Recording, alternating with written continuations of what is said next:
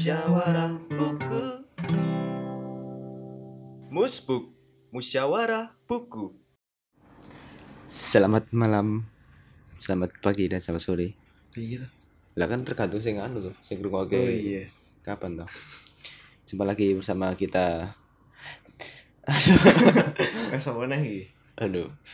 Jumpa lagi bersama kita Doraemon. Anang Irman sih. Apa bungane? Pengisi ayo ayo.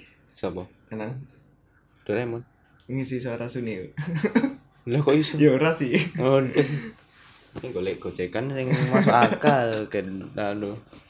Saya punya pantun. Sejak kapan Doraemon ini berpantun? Oh no, pantun Jepang. Pantun. Pantun. Eh ora sih, kurang ngono sih. Pantun ya pantun. Pak pantun, Ikan pantun. hiu makan tomat. Cakep. Goblok. Jadi ini apa? Kita akan membahas musbook yang berhubungan dengan Doraemon ya. Iya. apa coba? Jadi Doraemon itu kabarnya itu eh titiknya 5 cm. sorry sorry sorry sorry.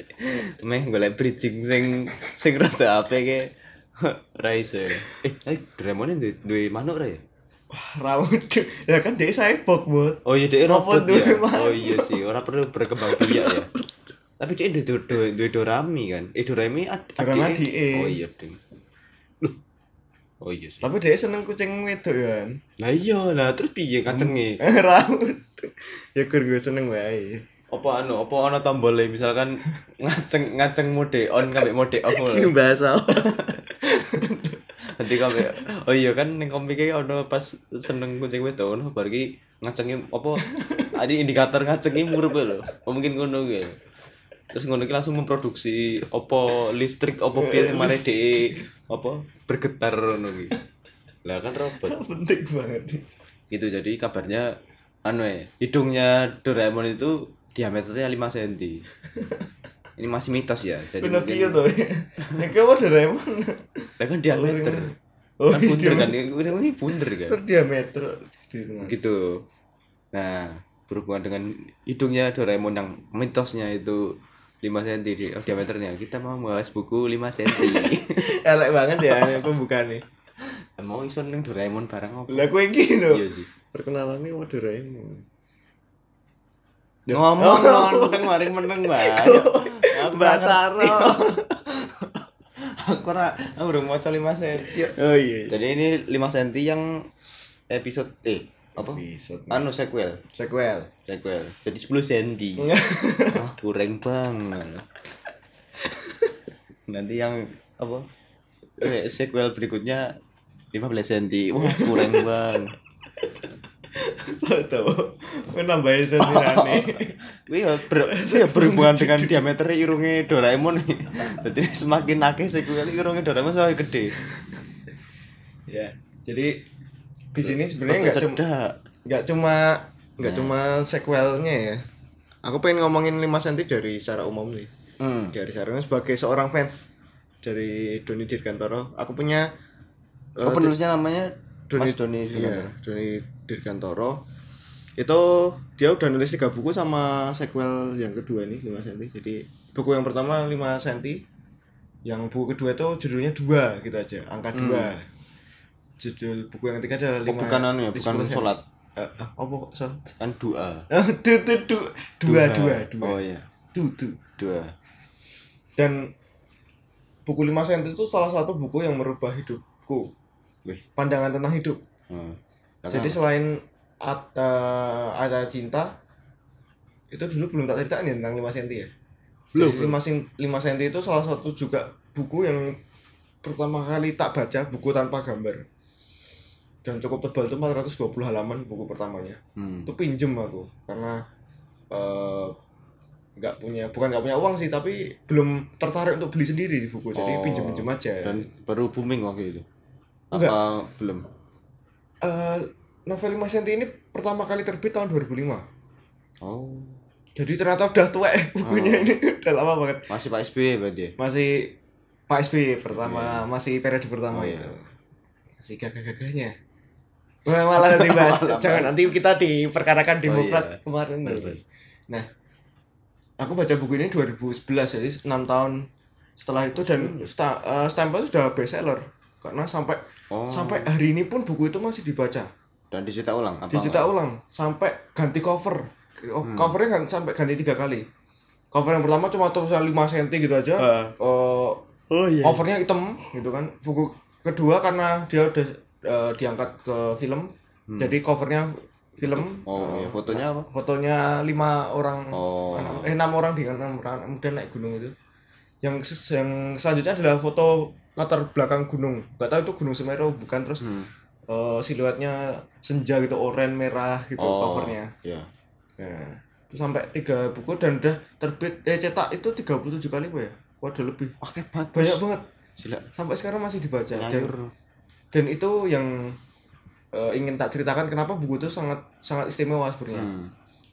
dan bagi teman-teman yang cuma nonton filmnya tapi nggak nggak baca bukunya itu biasanya menghujat buku ini Oh iya iya. karena 5 cm kalau cuma dari filmnya cuma eh, se- sekelompok anak muda ngehe gitu Hmm. dari Jakarta dari ibu kota terus mereka naik ke Jawa Timur Tiba-tiba ke Ke Malang. Oh, naik gunung. naik gunung dan gara-gara film ini banyak banyak efek negatifnya terhadap eh, pencemaran di Gunung Semeru Ya. ya karena tahu-tahu Ranu Kumbolo itu hype terus Mahameru itu jadi terkenal dan orang-orang yang berbu- eh, yang ke sana tuh orang-orang latah yang baru wah lihat wih bagus banget ya danaunya Ranupane." buat berenang. iya buat Padahal itu berenang buat sumber mata air. buat apa namanya dibisniskan terus tahu-tahu ada Indomaret di sana sama gitu Dasi.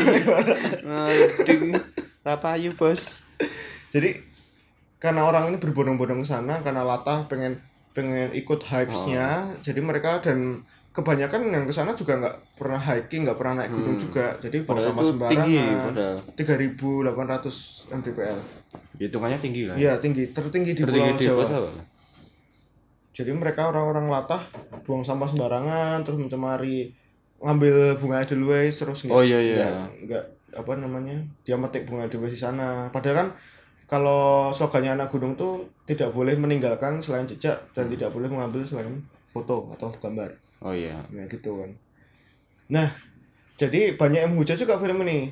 Dan itu me- apa namanya film ini terkenal selain mengambil mengeksploitasi alamnya ya eksploitasi alam dalam bentuk cerita dan gambar itu juga ngambil pemerannya pemer- pemeran-pemeran yang baru rising star gitu. Oh iya. ada Igor Saikoji terus ada Fedi Nuril terus Tapi ada bukan Federal udah masuk Fedi Nuril udah lumayan ya. lama Ah. yang baru-baru itu kayak. Pevita Ralinsyah terus Denny Sumargo Hmm.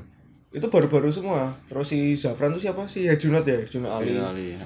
jadi pemerannya tuh cakep-cakep dan cantik Oh, gitu iya. apalagi kehadiran Pevita Pierce dan Ralinsyah itu cukup menyedot animo gitu Hmm. Iya. lah nah jadi mereka yang cuma nonton filmnya tuh ngomongnya Allah ini cuma film yang jual gunung sama jual itu aktor ah. iya jual ca- cakep dan cantik gitu nggak ada ceritanya receh emang kalau kita lihat filmnya Secara garis besar ya. Iya, secara garis besar kan dia nggak menceritakan detail filmnya dan Iya. karena memang susah ya. Hmm. Film harus menggambarkan utuh novelnya. Iya.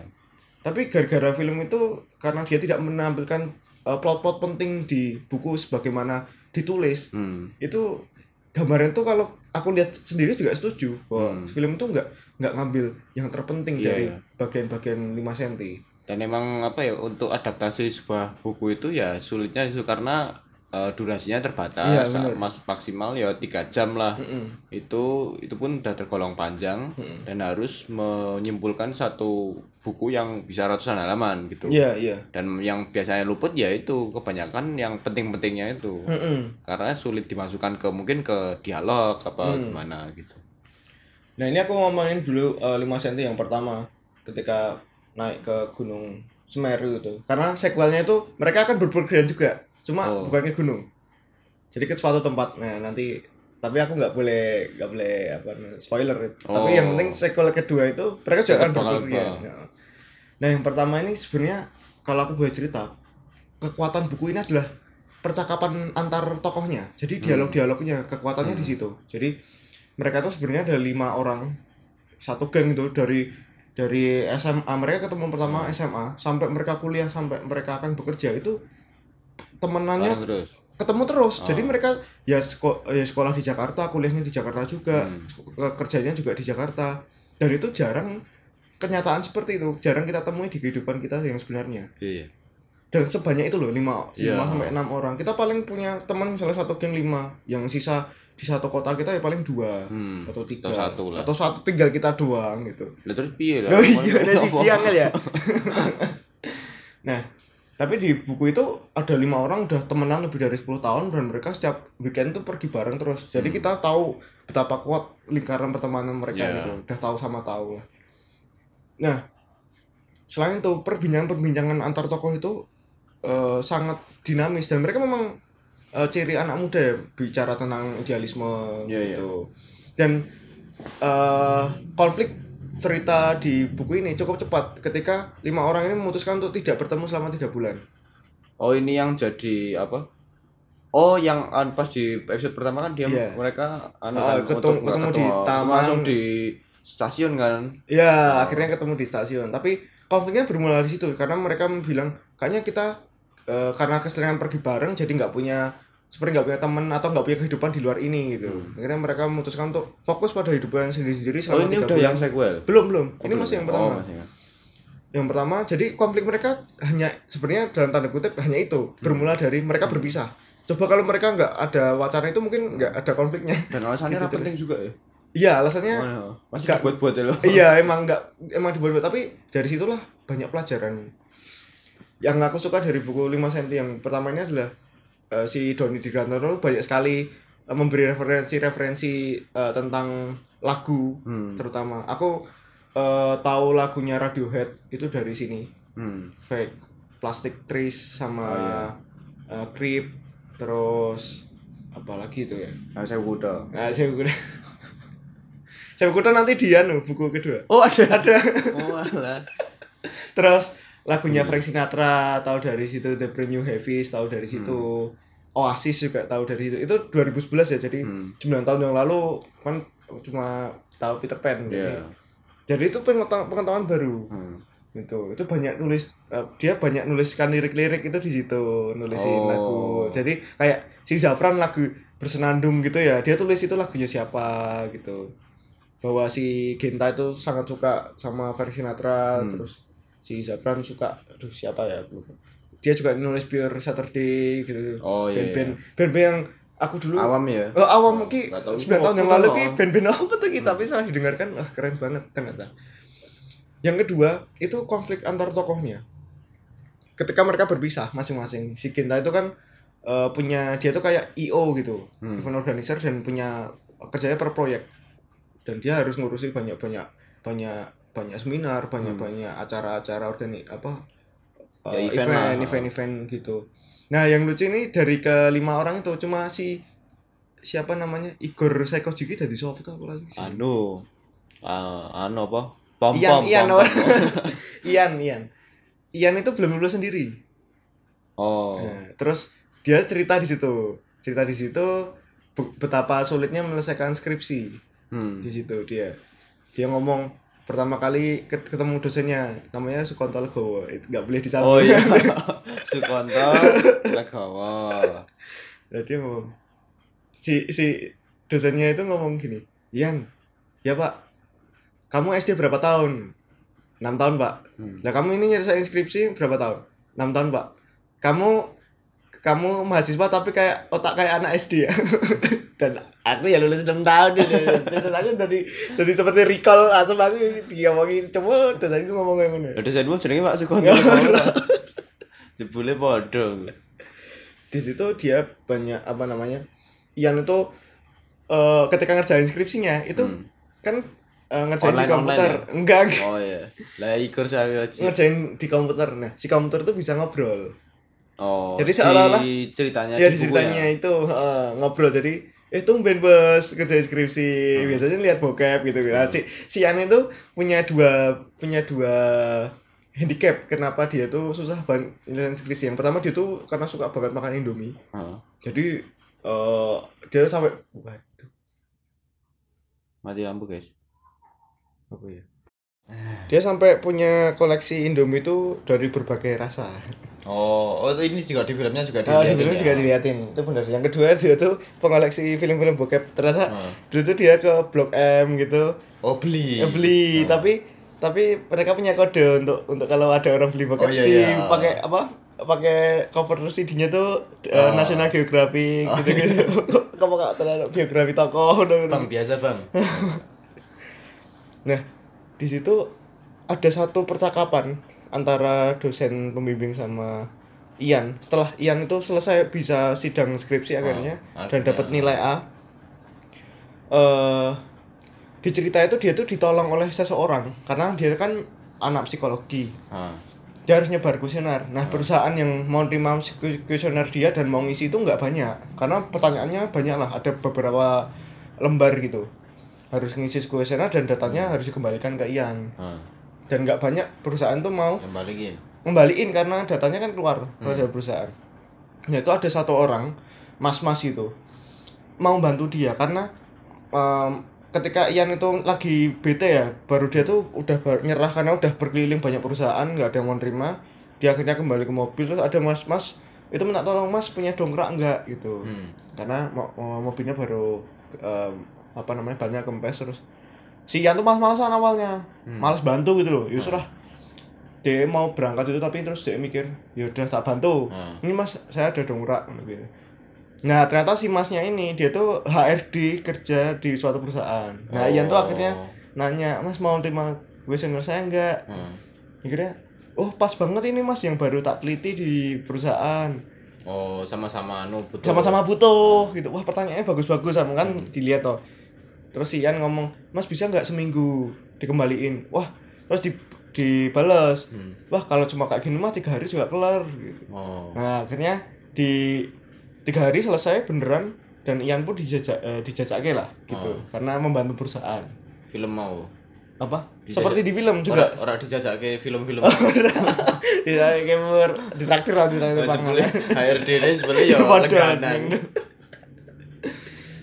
Nah, di di akhir eh setelah wisuda eh, setelah wisuda setelah selesai ujian skripsi itu, Ian tuh ngomong, "Pak, saya tuh beruntung banget." gitu. Si Ian tuh ngomong kayak gitu. Beruntung banget karena ditolong oleh mas-mas tadi. Aku ngali jenenge. Oleh mas-mas tadi. Oh, itu adik saya. Oh, enggak. Maksud. Terus si Ian, si dosen ini ngomong gini, ini yang jadi patokan yang eh, saya harap kamu nggak percaya dengan yang namanya keberuntungan. Hmm. nggak ada yang namanya keberuntungan itu Allah sudah menggariskan bla bla. iya tapi nggak ngomong Oh, gitu iya. tapi intinya sama jadi eh, alam semesta ini sudah dibuat dengan sedemikian rupa tanpa ada yang terlewat satu satu inci pun Hmm. gitu. Eh, nggak ada yang namanya keberuntungan Hmm. adanya kamu tuh sedang menabung dalam tabungan dharma dia ngomong Oh. dari setiap kebaikan yang kamu buat Ada Untuk- 10 ya Dharma aja. ya? Oh, duh, gue dudu dasar dharma nih pramuka jancok. Pak Bandi langsung anu apa lagi? Pak Bandi bener. Eh, yang kamu perlu lakukan adalah terus berbuat baik. Hmm. Siapa tahu, siapa tahu nanti tabungan dharmamu tuh terbalas Eh, terbalas Dalam bentuk ketika dalam bentuk yang lain ketika kamu sangat membutuhkan Hmm. dan tabungan dharma kebaikan tuh macam-macam nggak harus kamu harus oh, bikin masjid itu Hmm. atau eh, bikin panti asuhan nggak harus yang besar-besar cukup kamu misalnya eh, Bikin musola. Nah, maksudnya bikin bikin langgar. nyebrang eh, bantu nyebrangin nenek di jalan Ke terus terus terus bantu orang tua Ah. kayak gitu memberikan uh, minum untuk kucing yang kehausan Hmm. gitu itu semua terakumulasi dan uh, Allah subhanahu wa taala Hmm. sudah uh, berfirman di surat atin ya kan, Oh iya. bahwa kebaikan sebesar biji zaroh itu dibalas Emang aku surat atin ya? oh, oh.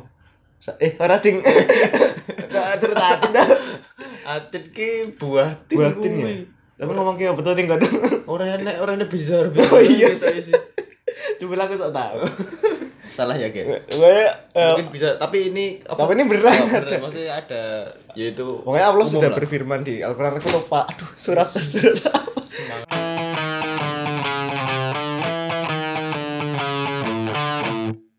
surat surat apa dan ayat berapa itu ngomong kebaikan sebesar biji zaro itu sudah pasti akan dibalas Hmm. itu juga dengan keburukan gitu jadi jangan percaya dengan apa yang namanya keberuntungan nah kata-kata itu sangat nyantol sangat Hmm. terngiang di pikiranku dan itu jadi salah satu prinsip hidupku Iya. bahwa nggak pernah akan ada ke- satu kejadian pun di dalam hidupku entah itu baik atau buruk itu adalah itu adalah kebetulan Oh, dan makanya kamu setiap bulan itu mengirim me- apa ngirim transfer ke rekeningku lima ribu gitu ya.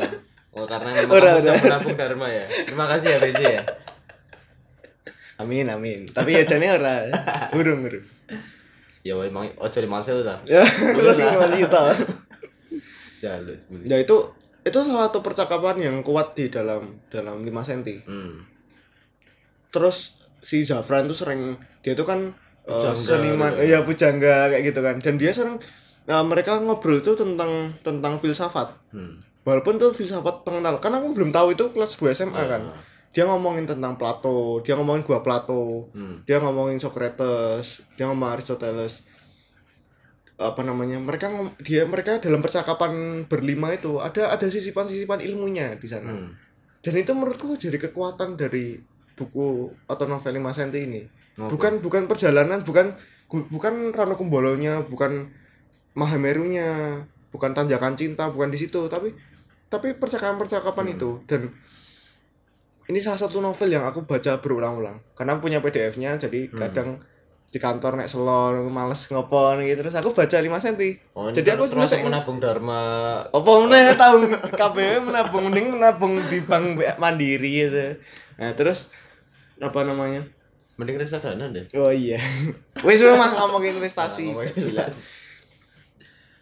Kekuatan eh, buku ini adalah percakapan-percakapannya. Hmm. Jadi bukan plot-plot tempatnya Ya itu seperti yang di sebagai anu lah, maksudnya penunjang itu. Oh, penunjang maksudnya sebagai eh, dasarnya, Mm-mm. pondasinya, terus apa karakternya itu dibuat sebut mungkin kayak misalnya Zafran yang emang pujangga dan lain-lain, Iya, iya, terus iya. Ian yang emang apa eh, suka makan Indomie, maksudnya eh, pengenalan karakternya itu dibikin yang kontras-kontras gitu. Iya iya iya. Ha. Dan buku ini adalah satu buku yang menurutku ya, menurutku paling lucu Hmm. yang pernah tak baca. Karena aku jarang baca novel tuh sampai ketawa-ketawa kayak gitulah. Karena Iya. memang eh, percakapan di antara mereka tuh murni seperti anak muda, Hmm. kayak kayak anak teman-teman sebaya kita Hmm. untuk ngobrol gitu. Obrolannya receh lah, obrolan Hmm. tongkrongan-tongkrongan kayak gitu. Dan benar-benar di, diwujudkan di buku itu. Jadi Masak air ngono. ora ora. Iki dudu Raffi Ahmad kok. Ya terus sopo sih nongkrongan ini masak air gila. Nah, buat teman-teman yang belum baca bah- bahkan setelah setelah 15 tahun novel itu pertama kali terbit ya. Itu nggak apa-apa baca aja masih masih terus terbit kok, masih terus dicetak ulang. Eh, silakan dibaca ini benar-benar novel yang bisa bisa merubah eh, mindset kita tentang hidup Hmm. gitu. Dan buku yang cukup menghibur. Hmm. Terus Dan Apa kita masuk ke sequelnya. nah, Nah, aku yang mungkin mau ngomongin Oh iya buku pertama ya. Sila. Yang kedua adalah sequelnya. Ini bukunya judulnya 10 ya malah ngomongin 10 cm tenan. 5 cm kamu samudra dan bintang-bintang. Apa 0,5 dm? Ya. Tuh, waduh, Soalnya 0,05 meter. Nah, di akhir buku 5 cm yang pertama itu ngomong bahwa eh, Riani itu kan ditembak lah dalam tanda kutip ditembak oleh Genta, Hmm. tapi ditolak Hmm. sama Riani Riani. Ral- Ralinsyah. Ya, si Riani atau Ralinsyah itu ternyata punya eh, pria idaman yang lain yaitu adalah Zafran Yang bujangga. yang jangga. Oh, tapi Riani anu ya, maksudnya eh apa? Tet- Masih hetero, heteroseksual ya. Oh, apa maksudnya? Maksudnya masih menyukai laki-laki. Oh iya masih masih. Oh, enggak kan. Siapa tahu Riani jadi open Ora. minded. Ora. Riani jadi open bahas cerita we. Jadi eh, nolak dan Tiani waktu itu judul eh jujur judul lagi jujur untuk bahwa dia suk- lebih apa ternyata Zafran. mengagumi Zafran bukan Ginta dan itu padahal ditembak di Ranu Kumbolo malam-malam gitu kan Oh. romantis banget lah mungkin Ginta udah ngeset itu tapi ditolak Eh, nah buku kedua itu menceritakan Setelah itu. setelah itu Hmm. gitu. bahwa ada pergulatan di hatinya Zafran bahwa dia tuh ter- ternyata ketika Riani ngomong itu dia menyukai Zafran Zafran tuh ternyata ngelilir jadi dia tuh Oh. menguping Ah. jadi dia tuh tahu tapi si Genta itu menganggap bahwa yang tahu cuma mereka fakta berdua. itu cuma mereka Ah. berdua bahwa bak- tapi yang ternyata faktanya yang denger itu si si Zafran sama Dinda Dinda ini Dinda ini Pevita Ah. Pevita Pierce itu denger juga karena mereka sama-sama ngelilir Hmm. Yang dindanya seneng. Dindanya tuh seneng sama Ginta Oh, Zafranya seneng sama Vita. Dinda Ah, oh iya. jadi muter Ah. kayak gitu cuma mereka nggak nggak ada yang ketemu Ah, pada ayune lah. Ah iya, sekabilah, Sana lah. sekabilah. nah, ternyata setelah itu setelah Ria- Riani menyatakan suka sama Zafran, Zafran denger terus Zafran tuh jadi suka sama Riani juga akhirnya. Oh, Cuma Zafran nggak bisa terang-terangan ngomong. karena sahabatan. Nah, karena sahabatan de- dan dia menghormati Genta sebagai Iya. seorang sahabat kayak gitu. Dan Genta pun nggak bisa move on sampai Hmm. di sequel yang kedua. Dia nggak bisa. Bahkan dia bekerja lebih keras pun untuk menumpangkan Riana nggak bisa. Oh. Tetap nggak bisa. Itulah Bunda. Apa? Oh, oh, minum janganlah berusaha melupakan. Wes. Biarkan itu berjalan saja. Nanti ya tidak bisa lupa. Bodoh. keren ya solusinya Zule. Alhamdulillah. Nah, buku kedua ini seperti eh, mengkopas cara cara Doni ber, Dirgantoro bercerita, cuma dia dia ubah sedikit cara eh, point of view-nya. Hmm. Ketika ketika di buku pertama itu Doni Dirgantoro Doni Dirgantoro itu sebagai penulis itu seperti membagi dirinya menjadi lima lima orang Oke. sebagai penulis sebagai Genta penulis sebagai Zafran Oh gitu. iya iya. nah di poin eh, di sequelnya ini awal-awal penulis itu banyak menceritakan buku ini dari sudut pandang Zafran Oh. walaupun akhirnya juga dia akan membagi menjadi lima lagi Oh gitu. tapi awal-awal mungkin tiga empat bab pertama Hmm. dan nggak tahu ya ini katanya baru baru baru hype Hmm. baru populer cara nulis penulis-penulis muda sekarang itu menggunakan point of view orang kedua jadi si Oh, orang kedua. orang kedua jadi sudut pandang orang kedua Bukannya ono sing ono niki per- pertama dan ketiga ya? enggak nah ini inilah ini lucunya karena Oh. ini kalau aku pernah dengar kontemplasinya perbincangan siapa namanya Leila Hudori Hmm. sama Rocky Gerung itu eh, model penulisan kayak gini itu banyak ngadopsi dari Gabo Gabriel Marcel Gabriel siapa lah gue Oh, Gabo. Gabo Gabo Hmm. Eh, penulis Amerika Selatan dia nulis nulis apa namanya eh buku 100 tahun kesunyian apa apa ya? Aku lupa. 100 Years of Solitude. Oh iya iya. itu tuh eh, dari banyak banyak menulis dengan cara orang sudut pandang orang kedua. Jadi kamu kamu kamu gitu cara nulisnya Oh. jadi seperti eh penulis tuh kalau kita baca ya baca bukunya tuh kayak ngeramai diri kita dan ngeramai diri pembaca itu. Karena dia Oh, nulisnya kamu. Jadi seperti apa? Berbicara dengan membaca. iya seperti bicara dengan membaca nah itu eh Doni Dirgantoro menggunakan cara penulisan penulisan seperti itu di dua bab pertama. Jadi Zafran itu seperti berkontemplasi sebenarnya. Tapi dia tuh ngomong kamu-kamu pada Zafran yang lain. Oh iya. iya. jadi seperti ada za- dua Pembaca, Zafran. pembacanya jadi Zafran. Nah, pembacanya seperti jadi Zafran. Yang pertama si eh, buku itu jadi Zafran kedua. Dan dia tuh banyak seperti meng- menggurui. Hmm. banyak ngasih advice nasihat dan menggurui. Jadi aku kayak nggak nyaman juga baca awal-awal itu. Bosen. Iya. karena wah ngopo sih? Menunggu kayak kamu me- Ngajari. me- ngajari membaca. Biarkan membaca itu menemukan ceritanya sendiri dan menemukan pelajaran sendiri di situ. Hmm. dan itu banyak eh, sekali dua bab tiga bab pertama itu kontemplasi. Jadi Zafran itu seperti merenung gitu berbicara dengan dirinya sendiri. Dan konflik di buku kedua ini kalau boleh jujur lebih kompleks daripada eh, konflik di buku pertama. Walaupun kendaraannya sama dengan yang pertama yaitu apa pergi iya walaupun walaupun nanti solusinya sama Hmm. pergi ke suatu tempat kan dan mereka akan berjanji setiap setahun sekali harus bersama-sama pergi ke suatu Oh, tempat oke. yang jauh lah Ah. kayak gitu. Nah, yang di buku kedua ini hampir mirip sebenarnya mencoba untuk mencoba untuk mengaitkan lima sahabat ini lagi Hmm. karena eh, konfliknya lebih lebih terasa karena mereka bicara tentang dunia pasca kampus. Oh, Jadi iya. dunia life dewasa. quarter of crisis gitu mereka mereka dikejar dikejar-kejar oleh pekerjaan Hmm. karir cinta menikah gitu gitulah Hmm. terus kehilangan sahabat gitu itulah yang jadi dasar mungkin kemarin kita ngobrolin tentang people change karena. 5 cm ini juga bicara seperti itu Hmm. di sequelnya itu ngomong seperti itu dan itu banyak eh, alur ceritanya banyak dari sudut pandang Zafran gimana caranya untuk bisa mendapatkan Riani tapi tanpa menyakiti Genta intinya kayak gitu Oh, Gitu, tapi- akar permasalahannya dari akar itu. di situ tapi dibumbui oleh eh, permasalahan-permasalahan dari tokoh yang lain dari Hmm. tokoh Arial Hmm. dari tokoh dari tokoh Ian jadi Ariel ini sing Denny Marco. ya yang Denny Sumargo Arial ini kan di buku pertama itu dapat akhirnya dapat cewek Hmm. dia tuh nggak pernah pacaran terus walaupun ganteng gitu kan Iya. tapi nggak pernah pacaran Hmm. jadi dia tuh gugup kalau di depan cewek tapi akhirnya bisa dapet cewek nah yang lucu di sequel ini adalah Ariel dan Indi jadi pacar jadi calon istrinya Ah. tuh Indi namanya itu mereka mau menikah di buku kedua ini Hmm. dan tapi mereka sangat diributkan dengan budaya-budaya keluarga Jawa tentunya Hmm. itu tentang yang mengatur-ngatur pernikahan Oh. Padahal mereka punya idealisme bahwa Hmm. mereka nggak mau menikah itu besar-besar. Hmm. Mereka cuma pengen di rumah karena Ariel tuh punya uh, rumah yang cukup besar ya. Jadi pekarangan yang kayak di film itu. Ya. Aku juga bayangkan bahwa Secret Garden tuh kayak gitu. Ada taman di belakang Hmm. terus cukup lebar terus ada kursi-kursi. Nah, si Ariel tuh mimpinya pengen nikah di situ aja.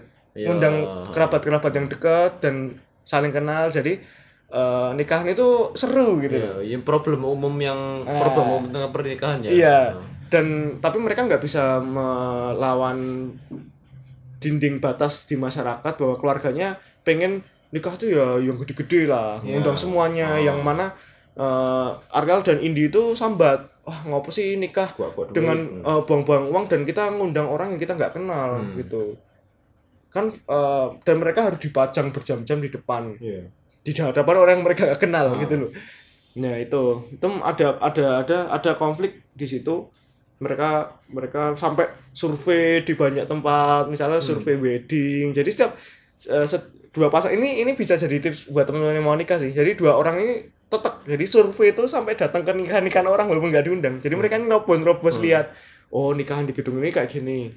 EO-nya ini kayak gini, Hmm. cateringnya ini rasanya kayak gini, dekornya ini kayak gini. Jadi bener-bener lihat Slow, gitu. ya. Slow tenan. Jadi nggak cuma dari Instagram, nggak cuma dari eh, apa by by phone doang Hmm. gitu. Mereka bener-bener datang nyicipi, lihat gitu sebagai tamu. Itu. Ya walaupun ribet tapi mereka bisa memastikan bahwa itu yang akan karena itu kan buat pernikahan se, Iya. eh, sehidup semati kan.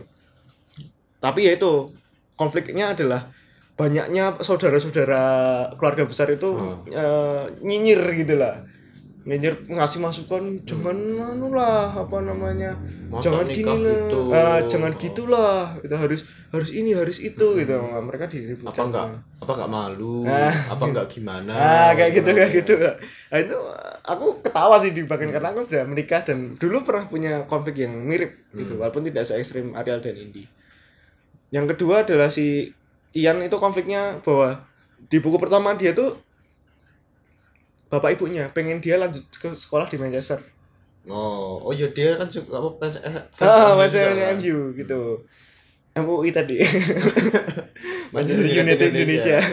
Jadi si bapak ibunya Ian tuh udah punya tabungan khusus untuk Hmm. Ian bisa lanjut S2 di Manchester gitu. Dan yang berarti itu dia akan meninggalkan teman-temannya di Indonesia. hmm. Dan tahu sendiri mereka berdua tuh nggak pernah pergi ke mana-mana, Iya. nggak pernah berpisah secara secara geografi gitu lah. Hmm. Nah akhirnya karena mereka tuh udah bekerja semuanya eh, di sequel ini, mereka jadi punya waktu yang sedikit, jadi nggak bisa setiap weekend ketemu. Hmm. Jadi misalnya weekend ini nanti yang nggak bisa Arial karena Hmm. harus proyek ke mana, terus nanti weekend ke depan gantian Genta nggak bisa, nanti Iya. gantian gitu nggak nggak bisa komplit. Indi yang nggak bisa Nah, dalam hubungannya. hubungan boleh Jadi mereka ganti-gantian nggak bisa nggak bisa komplit seperti dulu. Itu kan seperti realitas sekarang ya. Hmm. Iya. Kita nggak akan pernah bisa sahabatan yang benar-benar ketemu setiap saat Ah. eh, lagi. Itu. Tapi konflik-konflik dari buku ini utamanya ada eh, dari pandang Zafran. hmm. Karena Zafran itu sebenarnya seni- seniman lah, tapi Iya. karena dia dikejar oleh eh, karir gitu kan, dia akhirnya kerja sebagai karyawan bank. Gitu. Tapi karena nggak sesuai passionnya dia Hmm. dia keluar. oh gitu Ya. Eh, spoiler ya Oh iya ya. tapi itu Oh iya, spoiler. Ya serama intinya kayak gitu. Tapi proses keluarnya nanti teman-teman bisa baca sendiri. Intinya buku kedua ini menurutku ya Hmm. kurang masih eh, kurang bagus di, Hmm.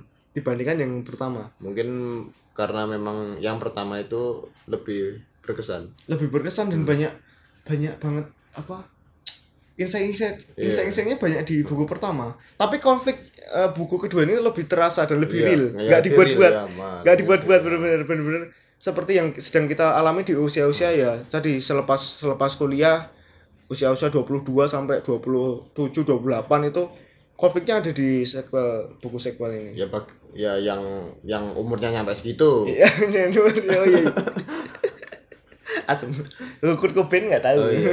derajat iya karena mungkin lebih relate juga ya mungkin. Iya, iya. Gitu. Tapi ya untuk untuk membaca setianya 5 cm aku agak eh, menyayangkan itu sih, menyayangkan cara Doni untuk em, membangun ceritanya di awal. oh Gitu. Kenapa harus pakai perenungan yang terlalu lama? Hmm. Gitu. nggak perlulah sampai dua bab bikin perenungan gitulah.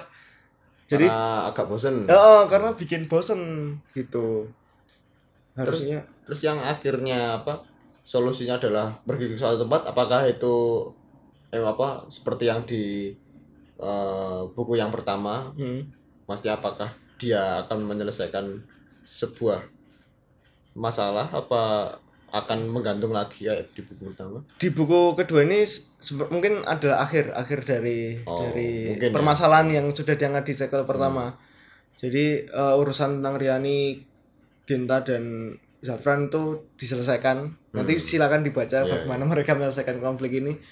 Dan eh, Arial nanti juga ada penyelesaian dan Ian ini nanti ada ada plot-plot yang dia sebenarnya kehilangan seorang yang dia sangat sangat sayang di buku ini. Tapi yaitu Sir Alan Terus, Ruson eh, oh iya iya pensiun terus jadi ah. noob. Noob. Gitu. Jadi perjalanan ini seperti mereka memang harus ketemu mereka akhirnya merencanakan perjalanan jauh lagi. Ke Manchester. Nah cuma ke, boleh.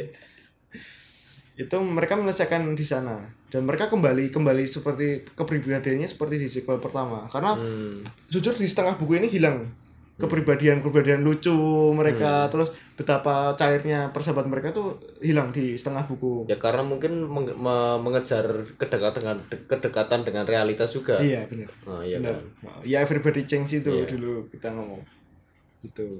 Ya itu buat teman-teman yang belum baca baik eh, yang pertama maupun sequelnya tuh eh, recommended sih untuk untuk Hmm. dibaca. Jangan cuma lihat filmnya doang nanti pasti kalian akan menghujat-hujat itu. iya iya benar Oh, iya kan. Itu silakan dibaca karena ini bagus. Buku kedua juga sama tebelnya sih 400-an halaman hmm.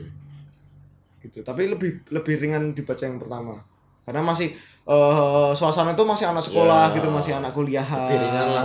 lebih ringan yang kedua ini bener-bener mikir kita Ya, ya. bahwa oh iya ada ada realita-realita seperti itu Hmm. Genta kenapa hidupnya kayak gitu itu ada latar fa- seperti flashback di kehidupan masing-masing sih di Oh, buku gitu. kedua juga salah satunya menceritakan latar belakangnya Ian, Genta, Arial kayak gitu. Hmm. lebih lebih ke situ. Jadi lebih kita lebih berpikir Hmm. di sini. Tapi banyak banyak eh, pelajaran tentang realitasnya dapat sih. Buat temen-temen yang kehilangan semangat di quarter life crisis yang rentang usia itu usia produktif itu eh, bisa dapat eh, pencerahan dari buku ini atau enggak malah kehilangan semangat sama sekali? Iya malah sisan sisan oh. semangat. Luweh lah. terus terus gelindat gelindat dan buku ini bisa didapatkan di buku apa eh, toko buku kesayangan kalian? Di buku eh, di Gramet di toko emas banyak di Atau di online juga. online juga. Atau www at 5 cm Oh, orang terus ya? kayak web TV ya apa www doni Trikantoro Ya. harganya berapa ini? Harga buku kedua itu seratus sepuluh ribu. Eh range nya 105 sampai 110 dari masa masa 10 ya paling enggak tunggu anu lah tunggu diskon 11 11 karena 10 10 udah lewat. Oh 11 11 12 12 nah 13 13 buku yang pertama Rambut ya sauti 13 13 yo renek. Renek, Cok. Nah, ngono lho, udah sauti. paling ini satu-satu lagi. Nah, nah gue enek. nggak gue ini ya begitu. Iya, begitu. ada pertanyaan lagi Tidak pak, Nah, tidak. Pak Sukoto Legowo, saya saya tahun ini bisa wisuda nggak pak? Wis. Enggak bisa. Kenapa pak? Otak Anda seperti anak SD. Oh, tapi wisuda sekarang juga saya nggak mau pak, masih online.